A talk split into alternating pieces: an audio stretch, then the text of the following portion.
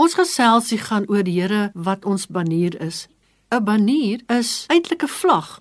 Ons lees uit Eksodus 17 vers 8 tot 16 in die boodskap. Die Amalekiete by Rafidim het teen Israel kom oorlog maak. Moses het vir Josua gesê: "Kies vir jou die manne uit met wie jy teen die Amalekiete kan gaan veg." Ek sal môre bo op die koppie gaan staan. Ek sal die kierie wat God vir my gegee het in my hand hou.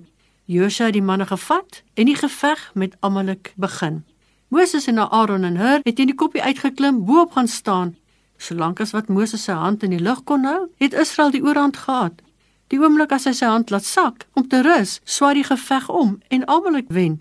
Moses se hand het nader aan moeg geword en hulle het hom toe op 'n klip laat sit. Aaron en Hur het weerskante van hom gaan staan, sy hande in die lug gehou. Joshua die Amalekiete daardie dag heeltemal verslaan.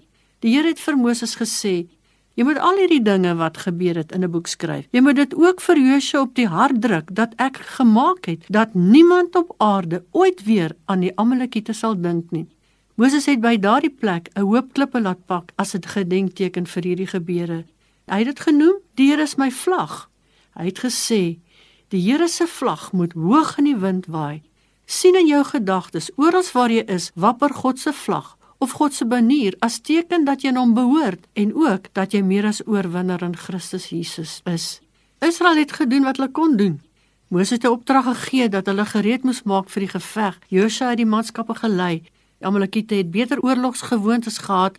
Israel was vir jare slawe en het nie oorlog gevoer nie. Wat ons ook moet onthou is Moses het die fokus op God geplaas. In elke situasie is die Here ons aanvoerder. Ons moet naby hom wees sodat ons kan hoor wat ons moet doen. Ons lees nie dat Moses Aaron en Hur paniekerig was nie. Moses het net moeg geword dis te verstaan.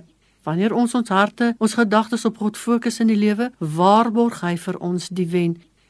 Die boodskap druk dit uit: Die Here is my vlag. Kom ons bid saam.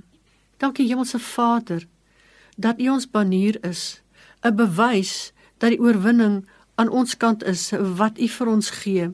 Dankie dat ons ons oë op ons verlosser kan hou en daarin kan rus.